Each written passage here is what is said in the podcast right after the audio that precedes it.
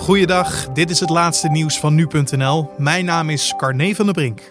Meer patiënten en zorgmedewerkers kunnen zich vanaf vandaag laten testen op het coronavirus. De komende dagen en weken wordt het aantal dagelijkse tests opgeschaald van ruim 4000 naar ongeveer 17.500. De extra tests zijn in eerste instantie bedoeld voor zorgmedewerkers en cliënten in de verpleeg, gehandicapten en thuiszorg en de GGZ. Ook kunnen huisartsen de testen aanbieden aan mensen die tot risicogroepen behoren. En voorheen werden vaak alleen medewerkers en patiënten in ziekenhuizen getest.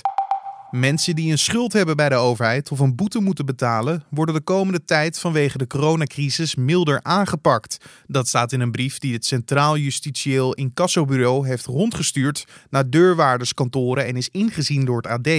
Op deze manier wil het kabinet mensen tegemoetkomen die het al financieel moeilijk hebben door de maatregelen rondom het coronavirus. Eerder werd al bekend dat ondernemers en ZZP'ers die door de coronacrisis in financiële problemen komen, uitstel van betaling kunnen aanvragen voor vele soorten van belasting. En dat uitstel kan worden verleend tot 19 juni. De Amerikaanse president Donald Trump heeft zondag gezegd dat hij overweegt substantiële heffingen op geïmporteerde olie in te voeren als de prijs van olie zo laag blijft. Vanwege een conflict tussen Rusland en Saudi-Arabië en de wereldwijde coronacrisis is de prijs van een vat ruwe olie gedaald naar 32 dollar.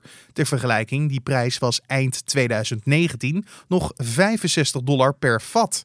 Trump wil graag dat de olieprijs stabiliseert of stijgt en overweegt erom heffingen te leggen op geïmporteerde olie als de prijs zo laag blijft. De Britse premier Boris Johnson is zondagavond op advies van zijn arts naar het ziekenhuis gegaan om enkele medische tests te ondergaan. Tien dagen geleden werd bij de 55-jarige Johnson het coronavirus vastgesteld en hij zit sindsdien in thuisisolatie.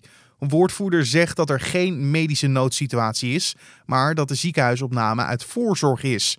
Want Johnson heeft na 10 dagen nog steeds last van symptomen van het coronavirus. En tot zover de nieuwsupdate van nu.nl.